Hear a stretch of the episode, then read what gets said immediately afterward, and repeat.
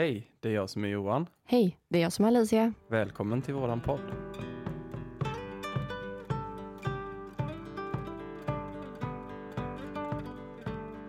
Du Alicia, jag tänkte på det här med kärleksrelationer och sex. Ja, Det är ju någonting som vi pratar ganska ofta om. ja men det gör vi faktiskt. Och jag tycker att det är ett jätteviktigt ämne att prata om.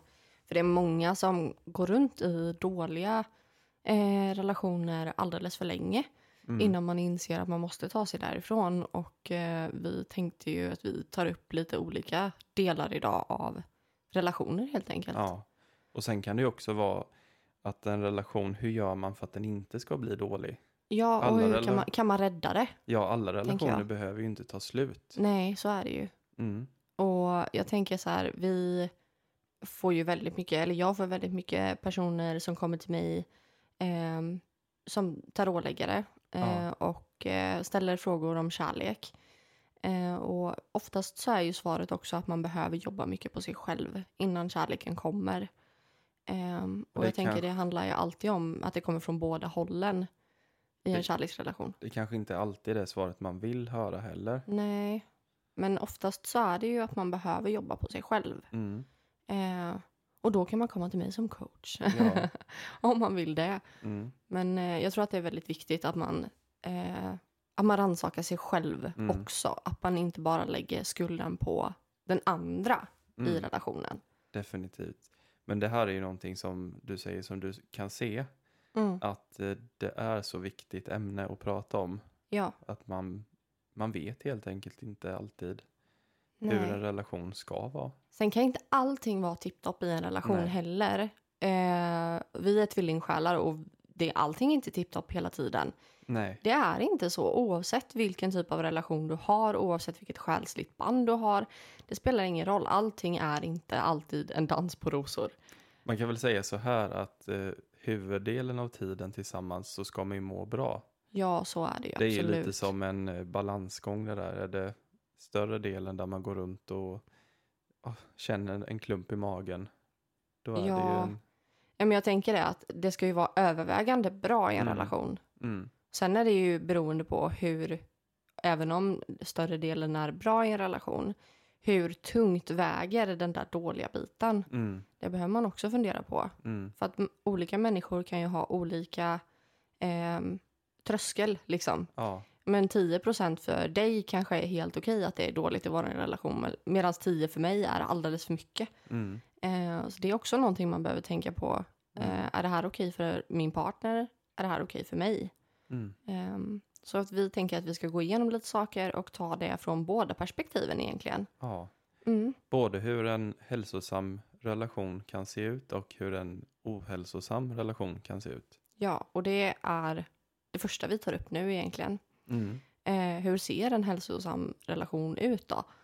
Ehm, I en hälsosam relation så upplever jag i alla fall att man eh, respekterar varandra. Ja, Det är väl det viktigaste och att man pratar med varandra. Det är så många relationer som hade gått att rädda om man bara pratar med varandra. Eh, och liksom, det, det är nog det största problemet i de flesta relationer, att man inte kommunicerar sina känslor eller vad man upplever eller ja, hur man vill ha det. ja, jag tänker det.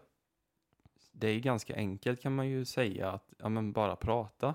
Mm. Fast det är inte alltid så enkelt om man känner att eh, jag kommer inte att bli lyssnad på. Precis. Eller att jag inte kommer bli förstådd. Då håller man det inom sig. Mm, Då man vågar liksom inte ta upp eh, vissa känsliga saker. mm, Och då blir det lätt att man bara pratar om det, om det vardagliga liksom. Och inte Mm. om sitt eh, känsloliv. mm. Men jag tänker också så här om, om man nu vill ta upp någonting känsligt, hur gör man då? Mm. Eh, och vi kan ju bara ta oss själva som ett exempel. Vill, man, vill jag prata om någonting känsligt med dig, då kommer jag ju till dig och så säger jag Johan, jag tror att vi behöver bolla en sak. Mm. Eh, och jag hade jättegärna velat att du lyssnar på mig. Och att du inte avbryter mig så att jag får förklara färdigt innan du säger någonting. Och jag vill att du är öppen innan du eh, går inte in i någon försvarsställning för det här är ingenting mot dig. Det här är någonting som vi behöver göra tillsammans. Ja. För För det är allt det en relation handlar om egentligen, att man gör saker tillsammans. Exakt. Och då tänker jag, då har ju du lagt ribban för samtalet. Mm. Men är det så här att du går och bygger upp det här till en sån stor grej, åh, jag vågar inte prata med han. Och sen så till slut så känner du att du inte står ut, nej, jag måste bara få ur med det. Mm. Och sen, nu tar jag bara ett exempel, vi kanske sitter och äter och sen så bara kastar du dig det som en kalldusch. Mm. Och då är jag ju inte med på det. Och då, Nej. då blir ju inte det samtalet så, så bra som det skulle Nej, man kunna behöver ju vara. förbereda sin Mm. partner på att jag behöver prata om det här. Nu Mm. är det någonting vi behöver prata om. Mm. Eh, och att man inte bara, men du Johan, alltså du gör ju alltid det här och jag klarar inte av det längre. Ja, Alltså det blir väldigt hårt och det blir väldigt, ja men som du säger, en kalldusch, en chock Mm. för den andra. Man behöver gå in i det mjukt mm, för att det oftast ska landa ja. rätt, tänker jag. Och jag tänker också det här med att avdramatisera det lite som du sa där, att man inte lägger den här klassiken, du, vi måste prata. Mm. Alltså- Nej, den är ju jobbig. Så att det blir... Ja, men du, jag, jag tycker att vi behöver diskutera den här saken lite. Jag har gått och tänkt lite och jag Mm. skulle vilja att du har ett öppet sinne. mm, Eh, och det är ingenting personligt mot dig. Det tror jag Nej. också är viktigt att säga att det här är ingenting personligt mot dig. mm. Utan jag har svårt för det här. Det blir ju mycket lättare för mottagaren då att ta till sig och vara Mm. lugn och lyssna. För får man det till sig, vi måste prata, då blir man så här på helspänn. Och så fort det kommer någonting då, då blir det ju naturlig försvarsställning. Ja, och jag, jag tror att det bästa tipset egentligen det är att prata utifrån sig själv och sina egna känslor. Att inte gå till attack liksom. Mm. Att men Johan, du eh, plockar aldrig in disken. Men jag känner att vi måste dela på ansvaret att sätta in disken i diskmaskinen. Mm. Eh, hur känner du Mm. inför det? Mm. Nu är det ett väldigt... Eh, Ja. och min mage håller på att kurra jättemycket. Jag är lite hungrig. Men det får vänta. Eh, nej men jag, jag tänker att det är jätteviktigt att man pratar utifrån sig själv och att man ändå lyssnar färdigt på varandra. Mm. Det är jätteviktigt. Och att båda får komma till tals. Mm. Eh, Så när en har berättat hur den känner, då kan ju den andra få berätta hur den personen känner och ser på situationen. Mm. Och då är det ju lika viktigt för den som började prata att också kunna lyssna. Mm. Men eh, det ska ju inte bli en eh, pajkastning Nej. mitt i. Att man avbryter och nej så var det inte och nej så upplevde inte jag det utan att man låter den prata färdigt Mm. som började. Och här är ett tips som jag brukar ge i, eh, i relationer som vi även har gjort. Eh, och det här är ett jättebarnsligt tips kanske, men det funkar varenda gång och jag har fått så bra så här. Alltså gud, jag tänkte inte ens på det här, men det är så jäkla smart. Det är att man har en talpinne. Mm. Ta en, en, ett suddgummi, en penna eller vad sjutton nu som ligger framför er. Så tar du det i handen och när det är den som håller i saken, i pinnen, då är det den som får prata. Alla andra måste vara tysta fram tills jag ställer en fråga eller fram tills jag ger dig pennan eller pinnen eller vad det nu är. Mm. Eh, det här är ett jättebra knep och det här använder man ju till exempel i småskolan. Mm. Eh, det vet jag att du har eh, gjort också med dina elever. Ja, det är väldigt vanligt. Mm. För då har du ju Det- 16 stycken eller 27 ibland som vill komma till tals. Precis. Då är det väldigt viktigt att man har en strategi. Mm. Mm. Det är det. Och jag tänker det här med att eh, hur vanligt det är ibland att man känner det här behovet av att nej, det här stämmer inte. Nu Mm. måste jag förklara mig. Där får man ibland bita sig själv lite i tungan. Mm. För att eh, absolut kan det ju vara så att man ser på saker olika. Mm. Men dina känslor är ju dina känslor. Så är det. Och alltid när man pratar ut efter sina känslor då har jag väldigt svårt att se att det är någonting man hittar på. Mm. Och sen känner jag ju så här det här med att inte lyssna färdigt och börja förklara sig istället. Det handlar ju om att eh, det är därför det är så viktigt att lyssna färdigt för när man väl har kommit till slutet så kanske det, din förklaring är helt orelevant egentligen. Mm, Eh, utan man behöver faktiskt lyssna färdigt på sin partner, så är det. mm, För att det kanske inte ens handlar om dig. nej. Och då kommer vi faktiskt in på en ganska viktig sak att ta upp och det är det här begreppet gaslighting. Mm. Och det är väl just det när en inte får komma till tals, där man blir överkörd.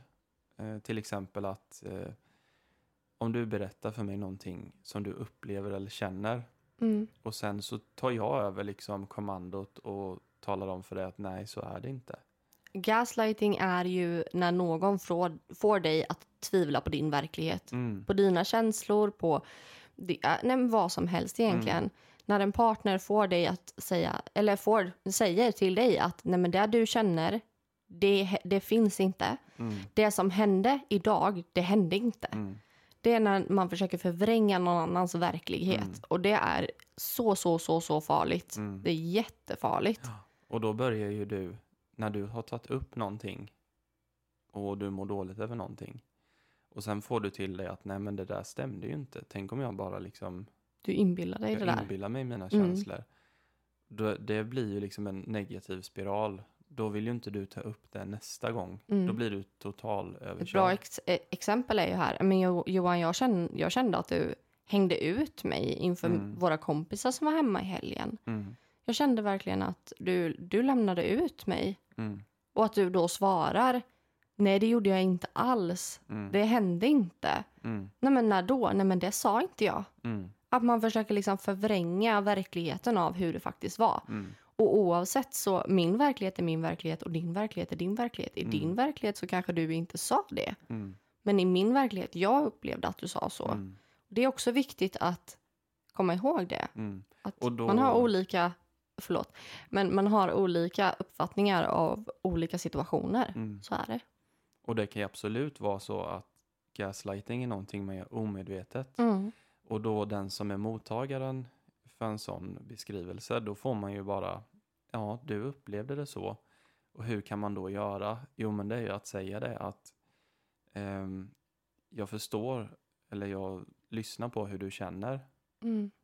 Och eh, sen kan man ju absolut be om ursäkt för att det blev så. Mm. Och sen att man ger sin version att eh, om det nu var så du kände, det var inte meningen att, det, att du skulle känna så. Mm. Och sen, jag tänker nu bara spårar jag iväg lite. Mm. Men det här med att också be om ursäkt, Mm. det är ju jätteviktigt. Men där, så som du bad om ursäkt nu, i mina ögon är inte det en ursäkt. Mm. En ursäkt är förlåt för att jag gjorde som jag gjorde. Mm. Jag menade inte att skada dig. Mm. Precis. En ursäkt är inte att säga jag ber om ursäkt för att du känner så. Mm. Jag ber om ursäkt för hur du känner. Nej, men Mm. det, jag, jag är ledsen för att du... Förlåt för att du kände så. Ja, nej, jag tror jag missade något ord där. Ja, Jag- Jag menar att man ber om ursäkt för sitt beteende, Mm. för det var beteendet som fick dig att känna någonting. absolut. Det var det jag menade. Ja, men det förstod jag. För Ja. att jag känner dig och du brukar be om ursäkt när det händer saker. Mm. Eh, och det är en ursäkt. Men många saker är faktiskt inte en ursäkt. Så om din partner uts- ursäktar sig eller ursäktar dig för att du har dina känslor, Mm. då är det inte en riktig ursäkt. Nej.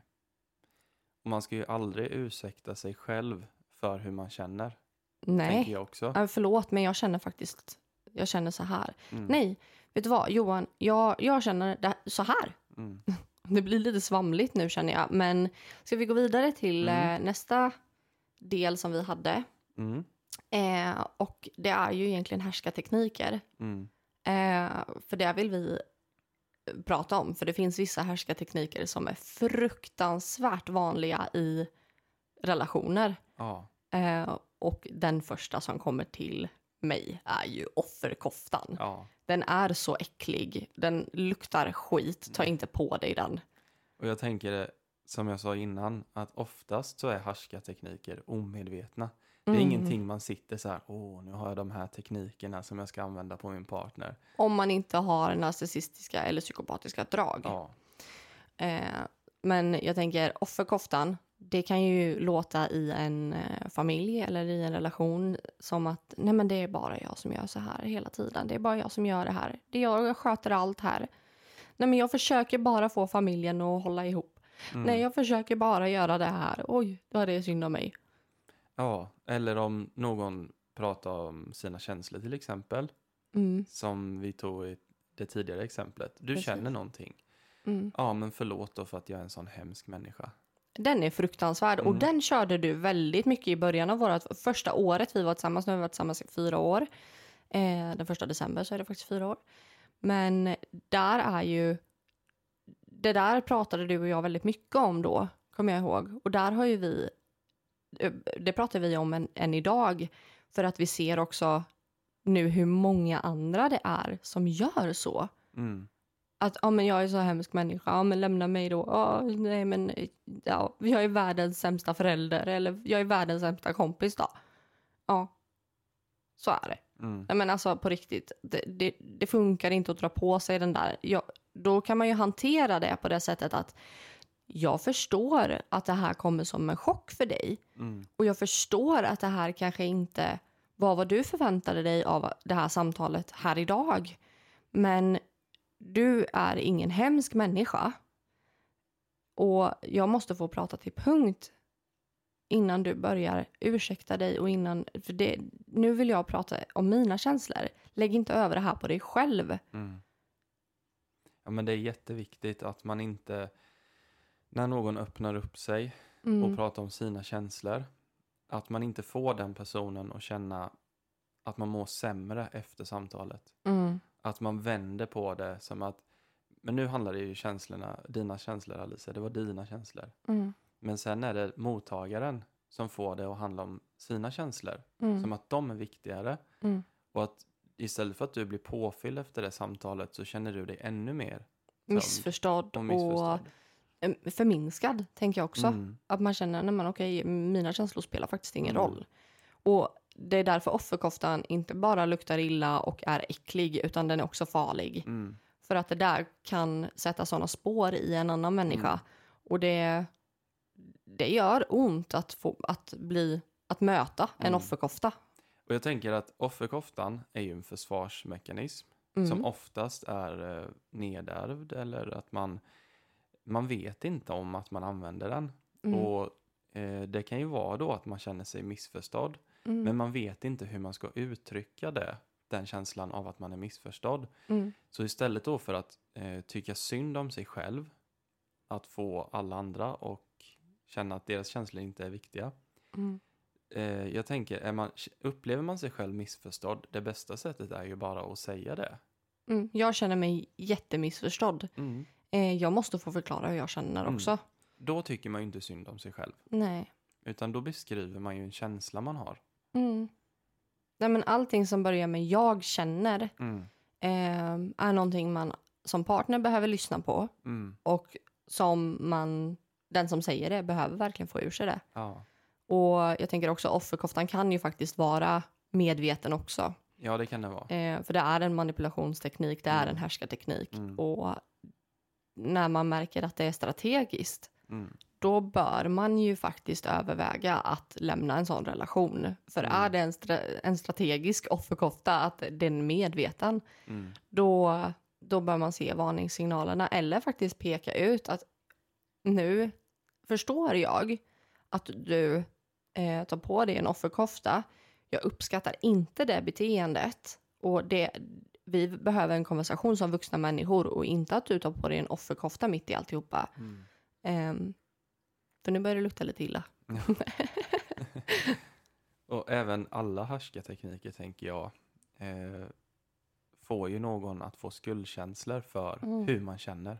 Och det är aldrig okej Mm. att ge någon skuldkänslor för när man berättar hur man känner. Nej, det är absolut inte okej. Det är väldigt giftigt i en relation. Mm. Och jag tänker i det här avsnittet så pratar ju inte vi om eh, jättemycket om fysisk, eh, fysisk problematik eller Mm. att, fysisk misshandel till exempel i en Mm. relation. Utan vi väljer att ta upp det psykiska. Mm. Eh, och det är för att eh, jag, jag känner ju personligen, jag är kvinna, jag eh, känner väldigt mycket kvinnor. Och det är oftast de här beteendena, de kommer ofta från kvinnor, de kommer självklart från män. Det här är, ehm, anledningen till att jag vill ta upp det här det är för att det är 50-50 skulle jag säga. Mm. Att eh, det är kvinnor och män som tar upp det här. Mm. Eh, eller som beter sig på det här sättet. Mm. Och kvinnor är också farliga på det här sättet. För det här är någonting som ärrar människor för livet. Mm. Och en annan sak som är typiskt kvinnlig skulle jag säga utifrån mina egna erfarenheter, jag kan självklart ha fel. Ehm, och det är ju att vara lite passivt aggressiv. Mm. Och det här, nej men älskling, är det någonting som är fel? Nej, nej, allting är bra. Nej Mm. men gör du det? Det är ingen fara. Mm. Alltså det är att vara, det är toxic alltså. Mm. Det är inte en bra relation. Nej men alltså älskling, är allting bra? Nej, alltså nej, det är faktiskt inte bra idag. Nej, jag känner faktiskt att kan, skulle du kunna stanna hemma ikväll? För jag, jag, jag mår inte så bra idag. Mm. Det är jätteviktigt att du tar upp den delen för att jag tror många upplever det i ett förhållande. Mm. Och det är ju såklart inte bara kvinnor som använder den taktiken. Men eh, jag tänker, vad gör det med den som uppmärksammar att någonting är fel? Eh, för då betyder det att man respekterar och värdesätter sin partners känslor. Om, Ja. jag, om jag ser på dig Alicia, att Mm. det är någonting. Och då kanske jag tycker att det är lite jobbigt och känsligt att fråga dig. Mm. Men jag gör det ändå. Mm. Då har jag ju släppt lite på min gard. Men släpper du inte in mig då? Om jag frågar dig, men är det någonting jag ser? Att det, är, det känns som att det är någonting i luften som inte Mm. stämmer. Och du säger, nej, det är ingenting. Mm. Men med ditt tonläge, ditt kroppsspråk, allting. Tyder på att det faktiskt är någonting. Ja. Och det var det här jag skulle komma till. Mm, För att när det är en kvinna som är passivt aggressiv mm, och säger att nej, allting är bra. mm, Och nu vill inte jag nedvärdera män på något sätt, men män accepterar oftare det, nej men det är fine. Och tar det som att okej, men då är det fine. För att det är det hon säger. Och så, sån har jag varit hela mitt liv. Jag bara säger okej, nej men då är det lugnt då. mm, Okej, då har du släppt det då eller? Mm, bra, då är vi fine. Medans eh, när det är en man som säger nej men nej det är lugnt, absolut, gör du vad fan du vill. Ehm, då blir mer, eh, nu pratar vi också från ett heteroperspektiv. Eh, det är inte alla som är hetero, behöver man inte vara.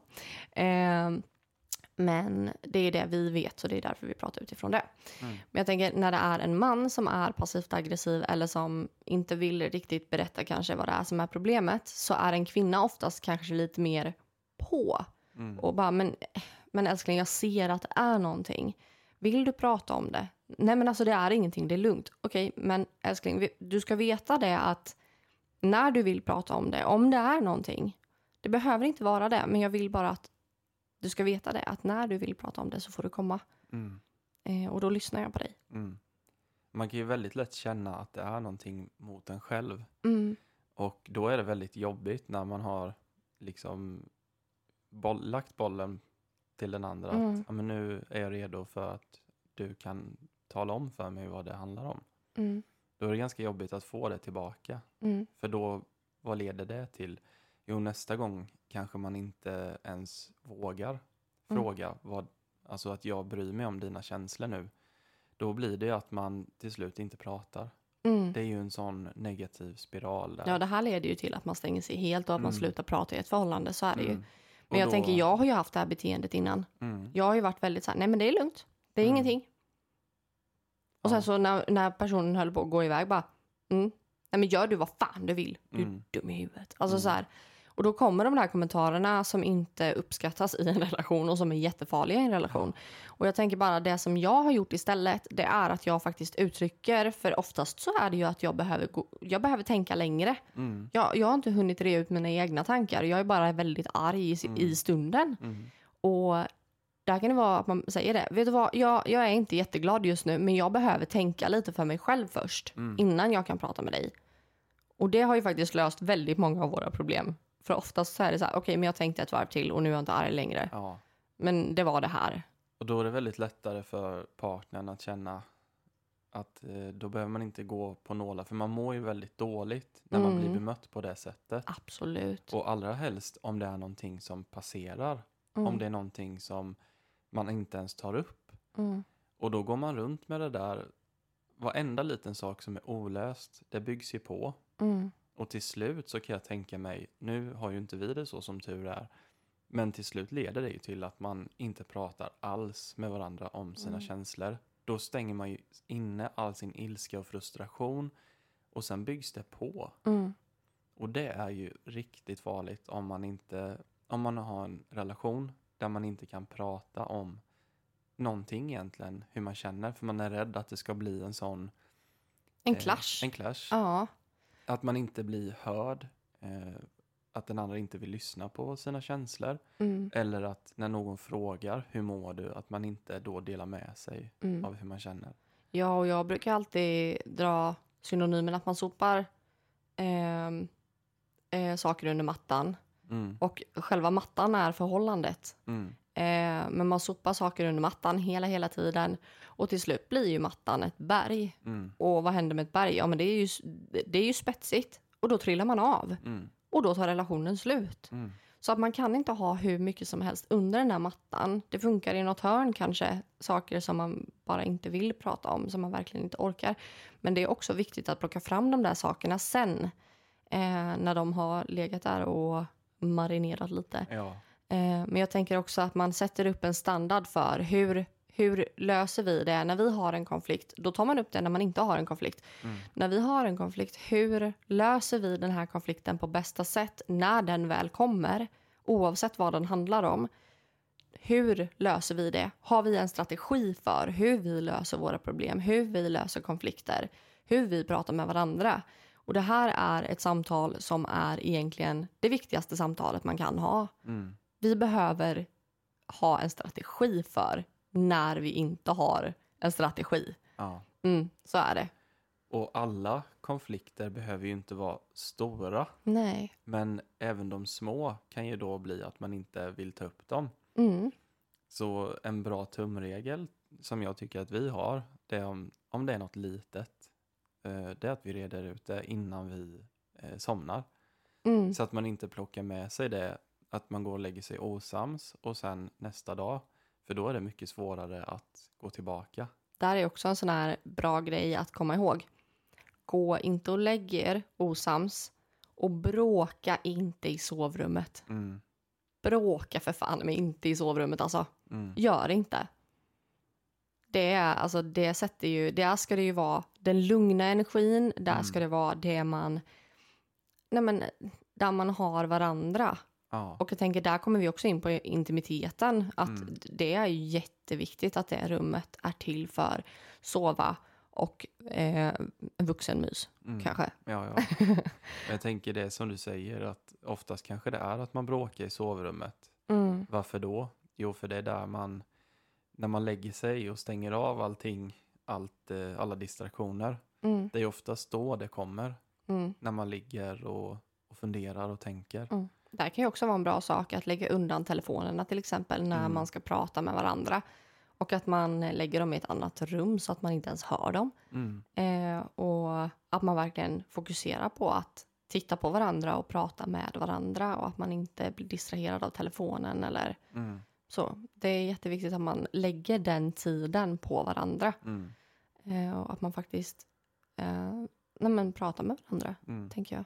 Och eh, tycker man det är svårt att liksom, nej, jag tycker det är skitjobbigt att ta upp eh, känsliga saker med min partner för jag vet inte hur jag kommer bli bemött. Mm. Har man den känslan eller oron, men det finns ju tips där med som vi kan ge. Det kanske kan låta lite löjligt, men man kan ju ha lite som en eh, kvällsstund Mm. eller en veckostund där man liksom i Ett vissa fall veckomöte. veckomöte Mm. där man kanske skriver ner saker som man vill ta upp, som man tycker är jobbigt Mm. eller som man har tänkt på.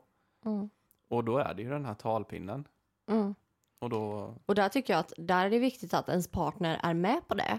Och att Mm. den personen också har skrivit upp saker som den kanske inte är riktigt nöjd med mm, i relationen. Och att man faktiskt, att det kommer från båda. Att man inte bara, okej men jag har skrivit en lista här på alla fel du har. nej. Alltså, och det handlar ju inte om att skriva listan på allting som är fel. Utan jag tycker att man bör göra kanske en lista med tio punkter. Om det nu blir tio punkter som man tycker är sämre. Och sen att man kanske tar tio punkter som man faktiskt tycker är bra. Mm. Så för en punkt som är negativ, någonting som man vill förändra, så tycker jag faktiskt att man ska skriva en punkt som, som man är väldigt glad för och som Mm. man är nöjd med och som man tycker om. Ja, så att det inte bara blir ett jobbigt, tungt samtal, utan att man lyfter upp varandra också. Mm. Det här tycker jag om med dig, till exempel. Ja. Det tycker jag det är är lika, lika viktigt att få höra det. Mm. Alla saker som man gör rätt och bra.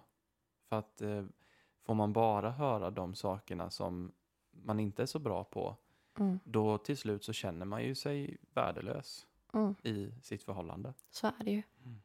Men det, det är ju tips vi kan ge. Mm, det är det absolut. Mm. Sen tänker jag att jag vill gärna prata lite om, eh, om svartsjuka Mm, och om eh, att vara misstänksam mot sin partner. mm, Och där handlar det väldigt mycket om den som är misstänksam. Mer Ja. än den som eh, blir skurken i dramat oftast. Eh, Jag tänker det med svartsjuka, det bottnar ju sig oftast i en osäkerhet. ja, eller i faktiskt en traumatisk händelse. Ja, Att det är någonting som har hänt som skapar en osäkerhet hos personen i fråga. mm, Eh, och det kan ju vara till exempel att man, har, man är livrädd för att ens partner ska lämna för att det är en tidigare partner som har gjort det eller det är eh, att man blev utesluten ur en kompisgrupp när man var yngre eller så är att föräldern lämnade hemmet när man var liten. Ehm, man kanske, ja, de kanske separerade eller så. Och det, det kan ju bli att det hänger i. Och då blir man svartsjuk och misstänksam och man misstänkliggör sin partner för väldigt mycket saker. mm. Och det är också en sån där väldigt skadlig sak Mm, att ha i ett förhållande. För att eh, ett bra förhållande bygger ju på, som vi pratade om, kommunikation, men Mm. även tillit. Att man litar på den andra. mm, Och finns det liksom ingen grund för att misstänka sin partner, då är det väldigt skadligt för den partnern som faktiskt älskar den andra och aldrig skulle kunna till exempel tänka sig vara otrogen, mm, men då att bli misstänkt för det hela tiden, mm, det, det sätter djupa sår. mm, det gör det verkligen. Mm.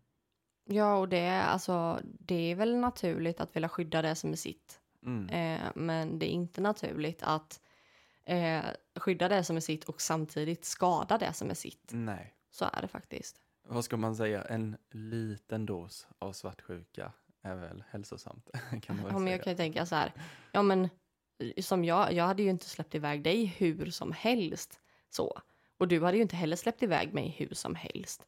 Men det handlar ju mer om också att jag respekterar dina gränser som du har satt gentemot mig Mm. och jag respekterar mina gränser som jag har satt gentemot mig. Men det kommer vi in på lite senare. Mm. Ehm, men jag tänker att vi kanske inte behöver ta relationer så på det sättet mer. Mm. Vi kör en liten jingle här. Det gör vi.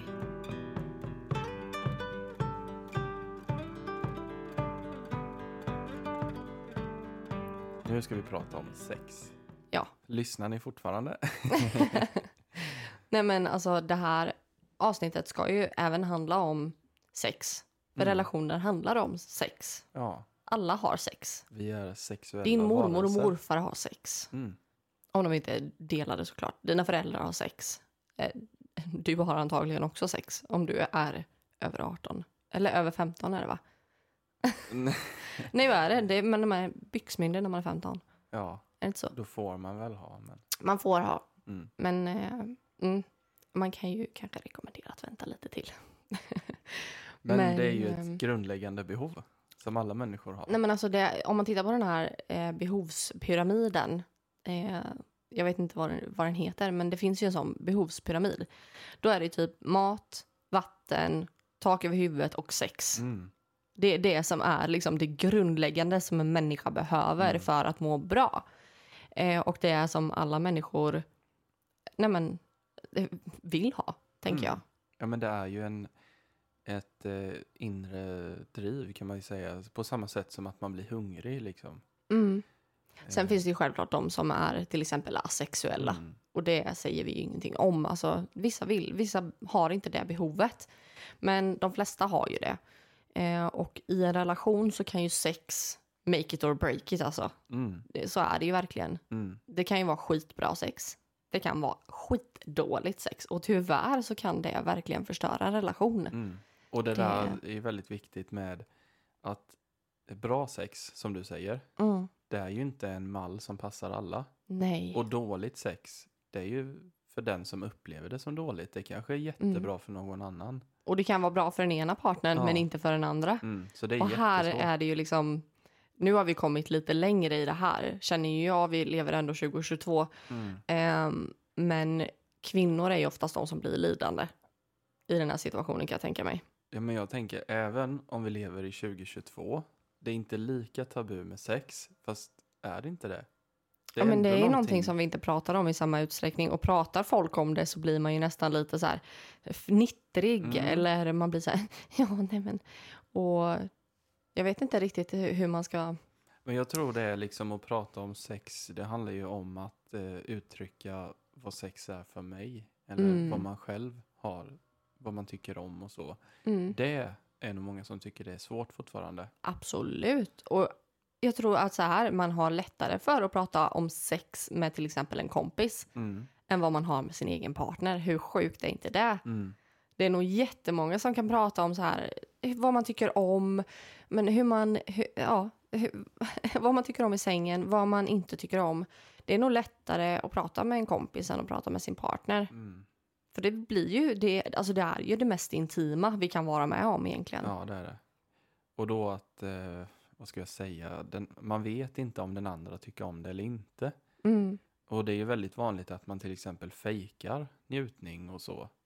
Ja, För att man inte liksom, man skäms över att säga att nej det där gjorde du inte så bra eller jag uppskattar inte det. mm, Man tycker bara det är så jobbigt att ta upp det så då fejkar man istället. mm, Och vad, vad gör man med sig själv då? mm. Och sen är det ju extra jobbigt om ens partner, tänker jag, anstränger sig verkligen för att du ska ha det bra. Eh, och du tycker att nej men det här var inte bra alls. Eh, och att ens partner verkligen, verkligen vill göra bra och att man har pratat om det. Men det här kanske vi ska prata lite mer om sen. Mm. Eh, jag tänker först så behöver vi ju prata om att man pratar om det. Ja, Eller hur? Definitivt. Och att man lyssnar. Men jag tänker så här, Johan, hur tar man upp med sin partner att man för det första vill prata om sex? Mm. Att man vill prata om sitt, om sitt gemensamma sexliv? Mm. På samma sätt som du sa innan, om det är någonting man har gått och tänkt på. Mm, Att man inte försöker göra det så himla stort. mm, Att man kanske börjar så här, du, men det är bara någonting jag har gått och tänkt på. Och jag tycker det är lite jobbigt eller känsligt att prata om det. mm. Så jag skulle uppskatta om du bara ville lyssna på mig, vad jag har att säga. Och jag vill jättegärna veta hur du känner Mm. också. Så kan man ju Ehm, börja. För då mm. blir det inte så himla, oj, laddat och känsligt. Mm, Och det här är ingen, man kan ju säga det också, det här är ingen kritik. Utan det här är liksom bara hur jag upplever det. på tal om eh, hur man lägger fram saker. Mm. Kommer du ihåg när vi typ precis hade blivit tillsammans? Och jag bara skickade ett sms till dig och bara, vi behöver prata. Jag vill ha thaimat till middag. Alltså så här, jag ville bara se hur du skulle reagera för du fick Ja. ju nästan en hjärtattack där. Ja. Bara shit, vi behöver prata. Ja, ja eh, jag vill ha, jag, jag vill ha thaimat. Men det är nog det värsta, liksom att lägga den, alltså att man, in, att man säger att man vill prata, men man gör det vid ett senare tillfälle. Mm. För då hinner ju hjärnan gå på högvarv. Ska hon Ja, det är också fruktansvärt. Ja, hon, eh, ska hon säga att hon har varit otrogen? Alltså, vill man prata, då ska man vara beredd att göra det Här och nu. här och nu. Säg inte, men du, vi, vi, vi behöver prata, men vi kan, vi kan ta det när jag kommer hem från jobbet. Nej, det funkar Nej, inte. då säger du ingenting Mm. förrän du är hemma från jobbet. Mm, För det är inte snällt att sätta den andra i den situationen. Att gå och vara orolig hela dagen. mm, Det där kan förstöra, alltså, det, he, nej men det kommer ju förstöra hela dagen för den Mm. personen. Det är ju hemskt. Och jag tänker även att eh, för den som vill prata, att man kan gå och älta det i huvudet så det kanske blir större än vad det egentligen är med. Ja. Blir lite, Och man sätter sån press på sig själv Mm. när man eh, säger så, men vi behöver prata. Och sen så skickar jag iväg det smset och då blir det så här, oh shit, nu kommer ju han, eh, nej men nu kommer ju han gå och fundera här.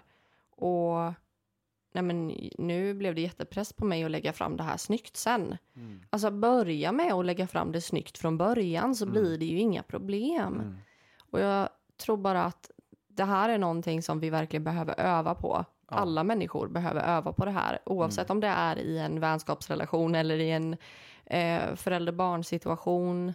Eh, jag tänker att ja, det är lika viktigt som om det vore med en partner. Mm. Men det är absolut jätteviktigt när man är med en partner att man faktiskt lägger fram det snyggt från början. Mm.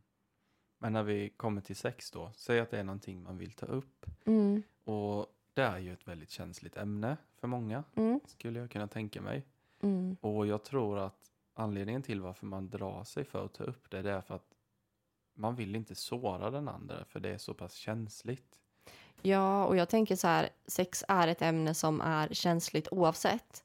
Eh, och du är ju född tidigt 90-tal. Mm. Jag är född, eh, jag är stolt född 99. Mm. Eh, jag är också född på 90-talet faktiskt. Mm. Eh, men eh, jag tänker, det skiljer ganska mycket på dig och mig också, vilken syn vi har på eh, vad som är acceptabelt att prata om när det Mm. kommer till sex. Och jag vet att i början av vår relation, du kunde inte ens säga sex. Nej, Du kunde inte ens säga ordet sex. nej. Och jag var så här, eh, ja, men drog massa sexskämt och för att i min familj så har vi inte varit så jäkla eh, Nej, men det har, inte, det har inte varit ett ämne som har varit pinsamt att prata om. Eh, men för dig så var det ju någonting som var jättejobbigt. Och där var ju jag kanske inte så snäll alla gånger för jag fick ju dig och Nej men jag tyckte du är så söt när du rodnar så jag kunde ju säga saker bara för att du skulle rodna lite. Du är så söt när du tycker att någonting är pinsamt. Ja, men det är ju liksom, som du säger, familjeklimatet. Mm, Eh, då blir man indragen i det och det kan vara en väldigt obekväm situation mm. när man har vuxit upp i en familj där man inte alls Nej, har det, varit som öppna. inte har... Nej, men ni har ju aldrig pratat om sånt. Och jag tror inte att det är nog många föräldrar som inte vet heller hur de ska lägga upp det när Mm. de pratar med sina barn. Mm. Det är ju någonting som är extremt viktigt. Jag tänker att vi får göra ett avsnitt om eh, föräldraskap egentligen. Mm. Eller vux, ja, relationer i en familj, tänker Mm. jag. För det är någonting som... Vi har ju båda varit i en familj. Nu har vi inga barn själva. Men vi har hundar. Eh, men jag tänker det är också någonting som är jätteviktigt. Och vi kanske inte kan prata ur föräldraperspektivet.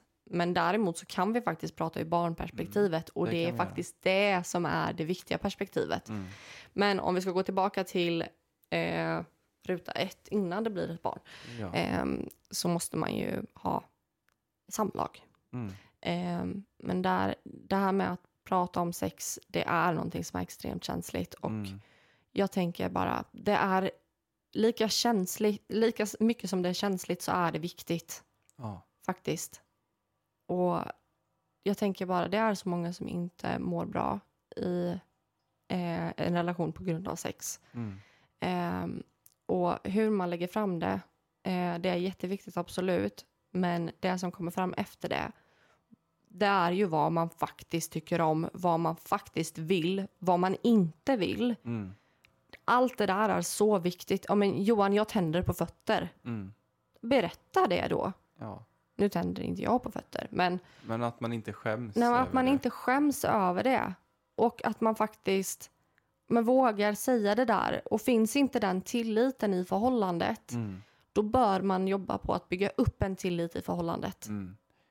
Och jag tror även det här med att man behöver kanske inte alltid gilla samma sak när det Nej, kommer till sex. Utan eh, hur gör man då om man gillar olika saker? Jag tänker kompromissa på något sätt. ja, men vi tycker inte alltid om samma saker. Nej. Men där tänker jag också att, ja men går det att blanda ihop dem på Mm. något sätt då? Mm. Eh, om du absolut inte tycker om en sak som jag tycker om, nej men då får jag ju backa. Mm. Och det handlar ju om att båda ska ha det skönt, att Mm. båda ska njuta, att båda ska ha samma värde i den situationen. Exakt. Det får ju Mm. aldrig bli att en annan gör någonting för, någon, för sin partner som man inte liksom som man tycker är skitjobbigt. Men bara Ja. för att eh, vara den andra till lags. Mm. Det får det ju inte vara, tänker jag. Nej, och det blir ju inte heller skönt för den som får, Mm. egentligen tänker jag. Mm.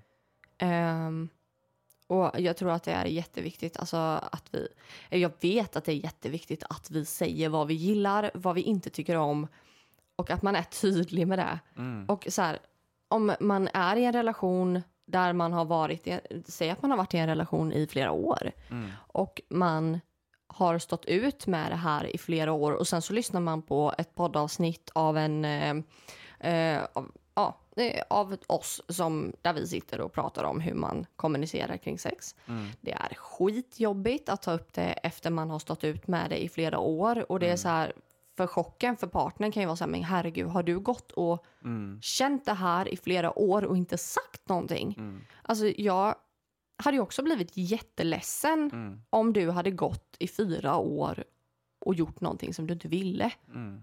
Jag hade ju känt mig som världens sämsta människa. Mm. Ja, men det är Och ju det, det- där berget som du pratade om innan. Precis, och det är Mm. där jag vill, jag vill bara komma fram till det att det är ditt ansvar också gentemot din partner att du faktiskt berättar. Mm. Det, för hur hemskt hade inte det varit om du fick reda på att nej men det här som du har gjort i fyra år, det, det har jag aldrig tyckt om. Nej, Hur ont måste inte det göra?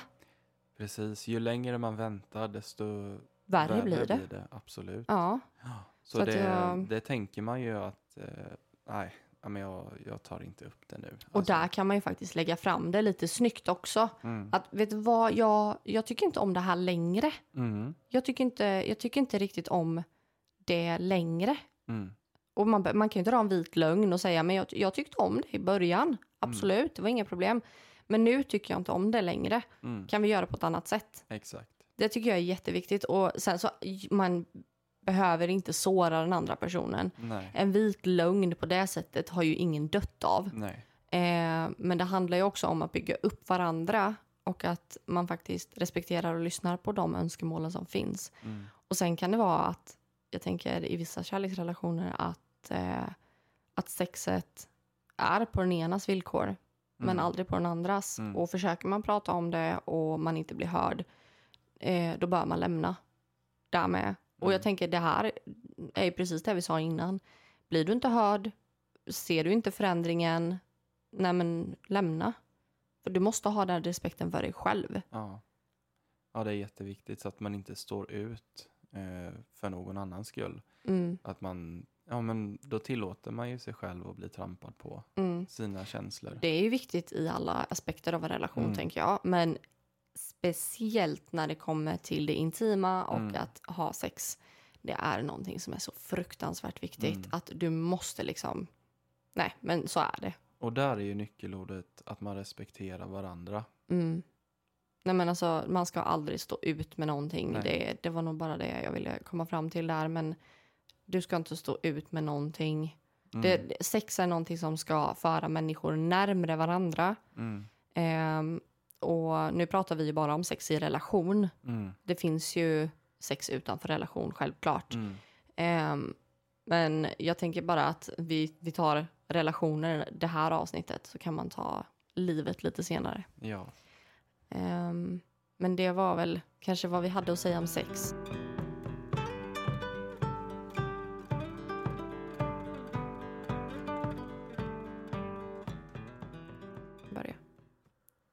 Ja, jag tänker ju nu då att vi behöver gå in på det här med att sätta gränser. Mm. Eh, det är ju lika viktigt i hela relationen som det är i sex, Mm. tänker jag, att sätta gränser. Ehm, och eh, jag tror att mycket av gränssättningen handlar om att säga nej. Och att respektera sig själv, Ja, tänker jag. Det är där det bottnas i. mm, nu blir det inte så mycket snack om eh, partnern här, Mm. utan nu blir det mer snack om dig. Ehm, det du behöver göra är ju att sätta gränser för, för dig själv. Mm. för det som, det som inte är okej för dig. Och jag tror det viktigaste inom gränssättning egentligen, det är att faktiskt ha en konsekvens av vad händer om du krossar min gräns nu? Mm. Vad, vad händer om du går över min gräns? Mm. Exakt. Och då är det den här tydligheten då som är så viktig. Precis. Mm. Att man är tydlig med att säga att du ehm, gör någonting mot mig idag nu har jag inget bra exempel här på rak arm, men jag tänker, då måste jag ju så här, Johan, det här tycker inte jag om. Det här är en gräns för mig. Jag vill inte att det här händer. Mm. Eh, och varför, mitt varför, det är egentligen oviktigt. För att i en bra relation, där ska det räcka. Ja. Är det någon som frågar, ja men varför vill du inte det? För att jag vill inte det. Man behöver inte alltid ha Man en behöver förklaring. inte alltid ha en förklaring. Och jag tänker också i en, en bra relation, där ska det räcka. Eh, men är det så att man eh, känner själv att man vill förklara, då tycker jag att man kan göra det. Och vill man, vill, ja, för jag tror att många känner att de vill förklara. Ehm, och det kan ju man göra i, av respekt för sin partner, absolut. Att man vill berätta varför man inte vill ha det på ett visst sätt. Men ibland så kanske det är jättejobbigt att ta upp varför. Men jag vill inte. Jag tänker att ibland så vet man ju inte alltid heller varför man känner på ett speciellt sätt inför någonting. Nej, precis. Man och det bara känns inte bra. Ja, det känns inte bra. Man kan bara tycka att det är obehagligt. Mm. Och då måste man respektera det. Att, ja men kan du inte ge en förklaring varför du känner så? Nej, det är inte alltid man kan det. Nej, och där är det också så här om partnern nu skulle säga nej men jag behöver ha en förklaring. Mm. Och då du har ingen anledning till att säga så. Mm. Ja, men jag tycker inte att det, jag, jag vill inte. Alltså, Då respekterar man ju inte den, sin partners känslor. nej så är det ju. Punkt slut. Och jag tänker, här är det ju viktigt att vara tydlig och att, Mm. att uppmärksamma personen som man är tillsammans med när det händer. Mm. Inte när man kommer hem från festen, Mm. kanske.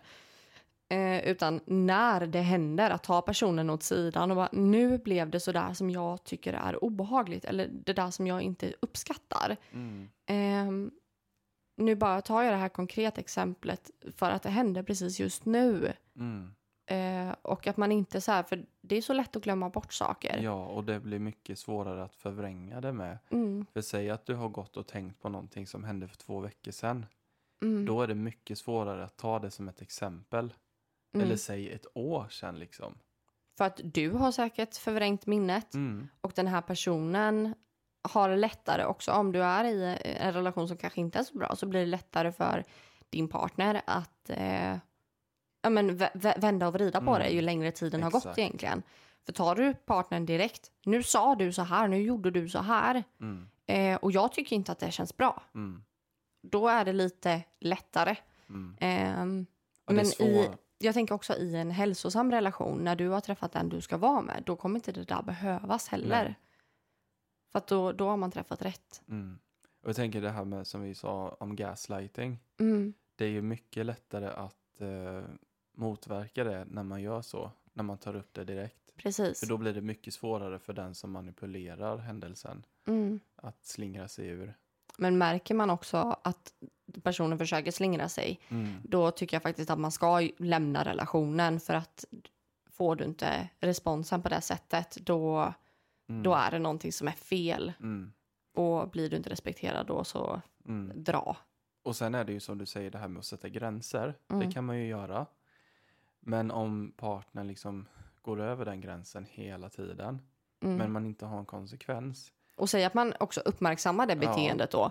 Säg att du har gjort samma sak fem gånger Mm. och jag bara sväljer det Mm. varenda gång. Jag bara, ja men nu gjorde du det där igen. Mm. Ja, ja, nej men förlåt, jag ska tänka på det till nästa gång. Mm. Och sen så går man och gör det exakt samma sak igen. Mm. Alltså, där handlar det ju om att faktiskt ha en konsekvens. Mm. Ja, man Alltså- kan ju inte tillåta det att upprepas hur många gånger som helst. Och då, man trampar ju på sig själv faktiskt. Mm. Nej men det gör man alltid när man, när man inte när man går med på saker som man inte vill. Då respekterar man, Mm. alltså då trampar man, då trampar man bara på sig Mm. själv. Och sin Och- egen självkänsla. Ja, och det svåra i en sån här situation det är att man oftast eh, älskar den andra personen. Mm. Och det är därför det är så svårt att lämna. Och då är man jag. villig att lägga sig platt. Ja. Ja, men det får inte bli så liksom att man Nej. sätter sig själv åt sidan.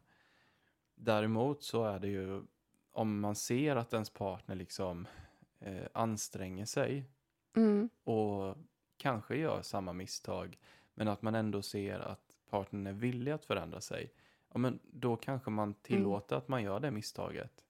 Ja, par gånger. men och då tror jag också när man då blir påmind som partner. Om du skulle säga Alicia nu gjorde du sådär igen.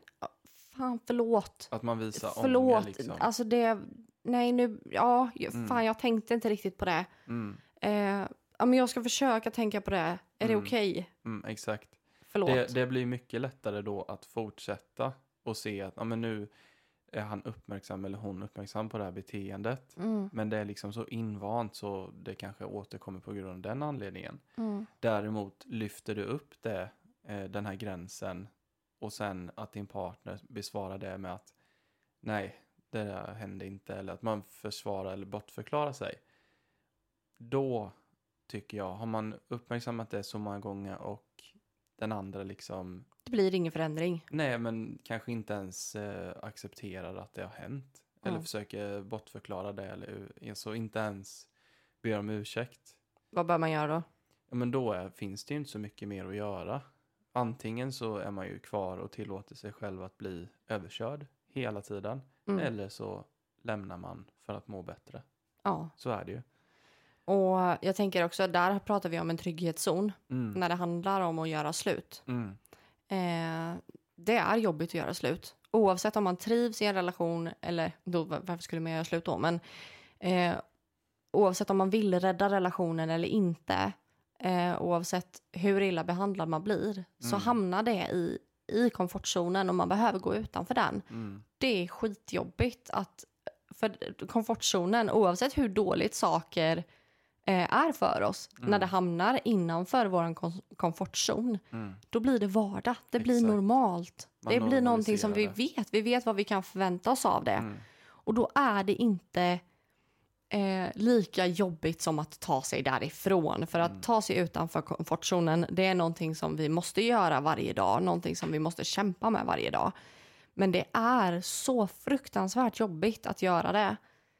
Men det kommer ju bli ännu värre. Alltså grejen är att det eskalerar Mm. innanför murarna om Mm. det inte om man inte tar sig därifrån. Jag tänker så här, även om du har normaliserat ett förhållande som eh, du blir förtryckt i eller så, du Mm. mår ju inte mindre dåligt för det.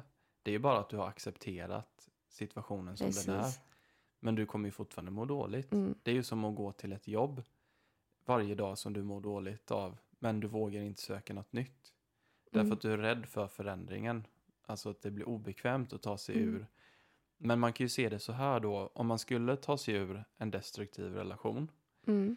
Jag kan tänka mig att det tar max ett till två år för det, alltså det jobbiga att passera.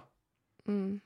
Sen vissa Men- saker sitter ju självklart i hela livet. Mm, Det, det, ehm, det du menar är inte förminskande på något sätt egentligen, utan nej men, det tar tid att ta sig ifrån dåliga saker och det är olika för alla. mm, Ehm, men jag tänker också att ja, men man kanske behöver tid för att komma på fötterna. Jag tror Mm. det är det du menar när du säger ett till två Ja, år jag- där. Jag Ehm, menar ju att alla breakups blir ju stormiga på något sätt. Så är det ju. Alltså de första veckorna är ju brutala. Mm, Då är Riktigt det jobbigt. som värst. Men sen avtar ju den där känslan mer och mer. Mm, Och det är liksom då man kan börja må bra igen, tänker jag. ja. Men det jag ville komma till, det är att ska du gå i ett förhållande där du har normaliserat att du blir förtryckt och mår dåligt, men det är din trygghet, din komfortzon, säg i 30-40 år och stå ut med det. Mm. Eller ska du stå ut med att det är jobbigt en liten stund och ta sig ur, men att du kan få någonting mycket bättre som där du blir respekterad och mår bra. Mm. Så 40 år av lidande eller ett år där det är jobbigt. Mm, Där du behöver komma på fötterna, där du behöver lära känna dig själv, mm. där du behöver liksom, där det är obekvämt. Och det är ju det som är så konstigt, varför man väljer, 40 år av Ja. lidande. eller hur? Ja, det, det, jag förstår inte det. Mm, Ehm, men det jag tänker är, det, man behöver ju ha en konsekvens. mm, Så är det ju. Och det behöver man uppmärksamma sin partner på. Att Johan, plockar inte du in disken efter dig? Nu har jag påmint dig om det här 30-40 gånger. mm, Att, och jag tänker inte göra det här mer för att nu trampar jag på mig själv. mm, Eh, och jag bara böjer mig för dig. Mm. Jag tycker inte det är okej. Eh, så om inte du börjar göra det här, om inte du börjar plocka in diskmaskinen, då kommer jag faktiskt att lämna den här relationen. Och det är inget hot. Det är en konsekvens och det är Mm. du som väljer. Mm. Det är det, där, det, det är det där som är det viktiga att säga tror jag. Att nu är det du som bestämmer hur det här ska gå. Mm. Jag har satt en gräns. Går du över den gränsen en gång till, då är det du som får lida konsekvensen av det. Mm. Ja, och jag tänker oftast så är det ju någonting mer eh, allvarligt man väljer att lämna för. Absolut. Jag drog bara ett Ja. kort exempel. Men ofta, ja, ja, oftast så är det ju större. Nu tog jag det milda. Mm. Ehm, Sådana där saker kan man ju förhopp- förhoppningsvis lösa genom kommunikation. absolut. Nej men det är ju större, större sådana. Men vi har ju inte något sånt just nu i vår relation. Så att Mm. jag, eh, jag tar det första som kom. Ja, ploppar nej, upp i eh, huvudet. Jag förstår vad du menar. Mm. Det är att man, eh, för har man ingen konsekvens, då är det onödigt att sätta en gräns. Mm. Jag tänker så här då, om vi tar stegen. Mm. Eh, då är det att sätta gränsen. Att säga nej. Att sätta stopp för någonting. Steg två. Du behöver inte förklara. Vill du förklara så gör du det. Eh, steg tre. Var tydlig med när det händer, var det händer och hur du känner när det händer. Mm. Att det inte är okej. Mm. Du behöver inte förklara varför du känner som du känner utan nu mår jag inte bra. Det här är Mm. inte okej. Så säg nej. Förklara, det gör du om du vill det.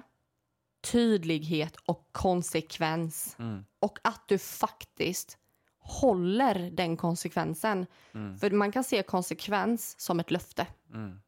Mm. Och du är en ärlig människa så du håller vad du lovar, eller hur? Mm. Exakt. Så är det ju. Och om det handlar om att lämna en relation, då Mm. tycker jag att då ska man känna att nu har jag försökt allting. Mm. Vi har försökt att rädda detta. Eh, så att man inte lämnar en relation där man inte har ens försökt att prata om saker. Och jag kan säga utifrån mina erfarenheter, vissa saker är inte värt att försöka. Nej, men så kan det vara. Eh, och jag tycker absolut inte att man ska göra allt för att rädda en relation som inte är bra. Nej. Eh, jag, jag, vi är lite olika där faktiskt. Vi tycker lite olika. Men det är nog också för att eh, jag har haft längre relationer innan. Du har egentligen inte haft längre relationer innan utan det har varit lite kortare. Ehm, men jag har ju haft relation i tre år innan vi träffades. Eh, och jag kan säga att vissa saker är inte värda att kämpa för. För jag kämpade över den relationen enormt länge när jag egentligen inte skulle ha gjort det. Så att där måste man också se att eh, den andra också kämpar i så fall. Mm. Eh, men men viss, det- vissa relationer är faktiskt inte värda att rädda. Där tror jag att ni försökte prata om saker och lösa saker. Mm, Det jag menar är om du lämnar en relation på grund av att du inte har vågat ta upp någonting. Ni har inte pratat om någonting. mm, Och sen kommer man på i efterhand att oj, vi har ju inte pratat och sen försöker man gå tillbaka. absolut. Ja. Det är klart att man ska göra det först. Mm, Så är det ju. Nej, men jag tänker också det här med att sätta gräns för sig själv. mm, Eh, och jag tänker, det här handlar ju inte om egentligen att du ska sätta en gräns mot din partner. Allt det som vi har tagit upp här nu kring att sätta gränser, det handlar om dig. mm, Det handlar inte om din partner. nej. Det handlar om att följa upp det som din partner gör eller det som den inte gör. Mm, Eh, det handlar om att vara konsekvent och det är bara du som kan vara det. Det, är inte, det, här handlar inte om din partner. Det här handlar om att du ska sätta gränsen för dig själv. mm, Och det här går ju att applicera på allting. Det går att applicera på chefen. Det går Ja. att applicera på mamma och pappa. mm. Eh, på dina syskon kanske. På um, Vänner. vänner. Allting. Det, det, att sätta gränser är någonting vi behöver göra för, för alla. Mot alla människor runt omkring oss. Ja, med hänsyn till vår egen självrespekt. Mm. Och där kan vi ju kanske ge lyssnarna en liten uppgift. Att skriva ner vilka gränser har du gentemot de personerna som är runt dig idag. Mm, Och vilka gränser hade du behövt ha mm, gentemot vissa personer? Finns det någon som gör, dig illa? Finns det någon som kör över dig totalt? mm, Hur kan du lösa den situationen? Hur sätter du den gränsen? mm. Och vad är konsekvensen? Skriv ner, vad är gränsen? Vad är, vilket beteende är det du inte accepterar längre? Och vad är konsekvensen? Ofta så kanske det är att bryta kontakt. Mm, Eh, och då får man göra det, mm, tänker jag. mm, Men också det här med att sätta gränser emot sig själv. okej, säg att du har lämnat den där, du har genomfört konsekvensen nu. Mm. Du har lämnat relationen. Vad händer då? Mm. Du kanske saknar personen lite. Okej, vad gör du då? Ja, då går du ut och tar en kaffe, du skriver inte ett sms. Ja. Det är det. Är det. Ja. Här handlar det om att sätta gränsen mot sig själv också. Mm. Att vara, vara hur ska jag respektera mig själv? Mm. Eh, vilken gräns sätter jag för mig själv? Mm. Okej, jag får, jag, nu sätter jag den här gränsen att jag, jag hör inte av mig till den här personen mer. Jag sätter gränsen att jag, jag lämnar det här jobbet Ja. och jag tänker inte ens på den här branschen mer. Jag tänker inte ens på den här arbetsplatsen. Måste jag plocka bort kollegor ur mitt liv, då gör jag det. Mm. Men man måste, få, man måste sätta gränser mot sig själv och vara tydlig mot sig själv också och lika hård mot sig själv. Precis. Så att man inte Ehm. börjar tumma på det där för då kan det ju lätt bli att man eh, trampar på sig själv igen. Mm. Och att man hamnar tillbaka i den relationen Mm. som man lämnade. Mm. Och att påminna sig själv hela tiden om varför man lämnade. Ja. Sen så tänker jag också att eh, det här med att sätta gränsen mot sig själv, eh, det handlar ju i grund och botten om att man har en god självkänsla och att man har eh, en god självrespekt. Mm. Det pratar vi ju om i... ehm, Personlig utveckling avsnittet. mm, och vi, tanken är att vi ska göra ett till sånt avsnitt ganska snart. Mm. Verkligen.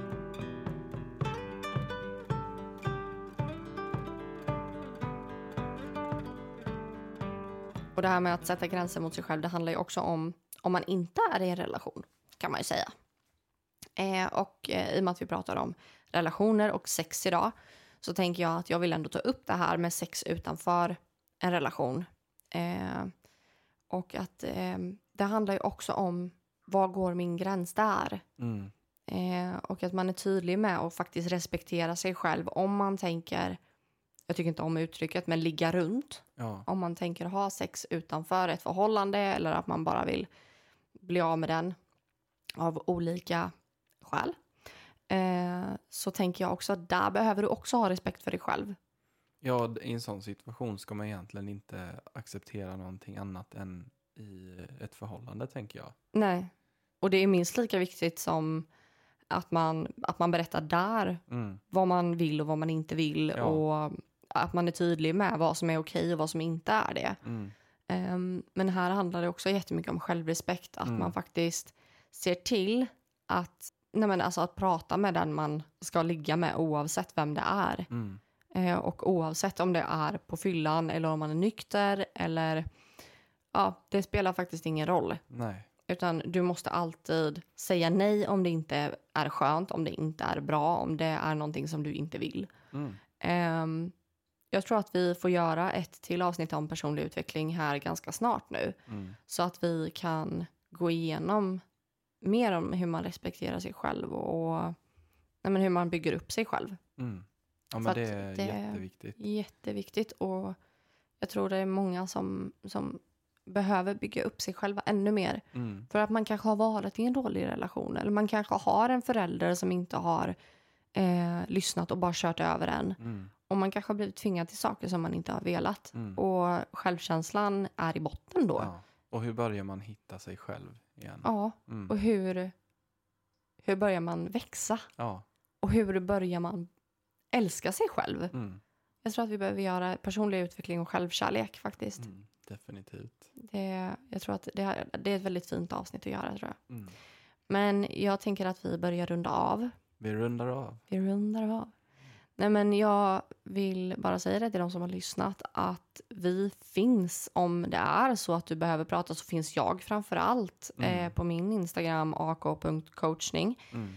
Eh, och jag vill jättegärna hjälpa så många som möjligt. Mm. Eh, och jag är väldigt bred i min coachning Mm. känner jag att det finns så mycket som jag har varit med om. Jag vill använda alla mina erfarenheter för att kunna hjälpa andra. Mm.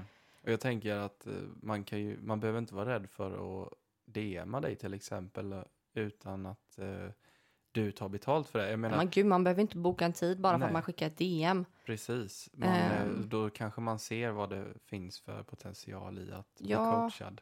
Och alltså, jag hade jättegärna bollat med så Mm. många som möjligt, men det blir oftast väldigt mycket. Eh, men skicka iväg ett meddelande så löser vi någonting. Mm. Ja, Eh, och vill du bara prata går- lite så går det också bra. Mm. Är det någonting man har gått och tänkt på så... Mm.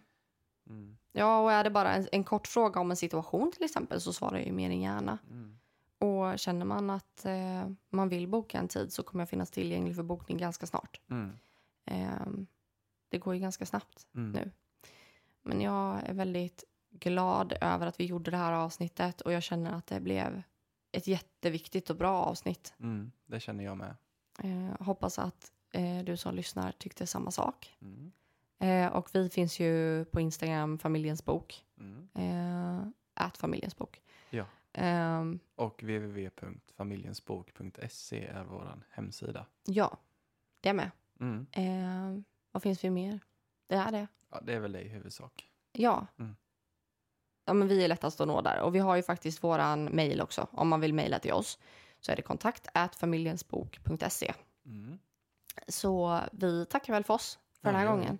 Och vi önskar dig all lycka i kärlek och i relationer. Eh, och att du har en jättebra vecka fram tills vi hörs igen. Mm. Ha det bra. Ha det bra. Hej då.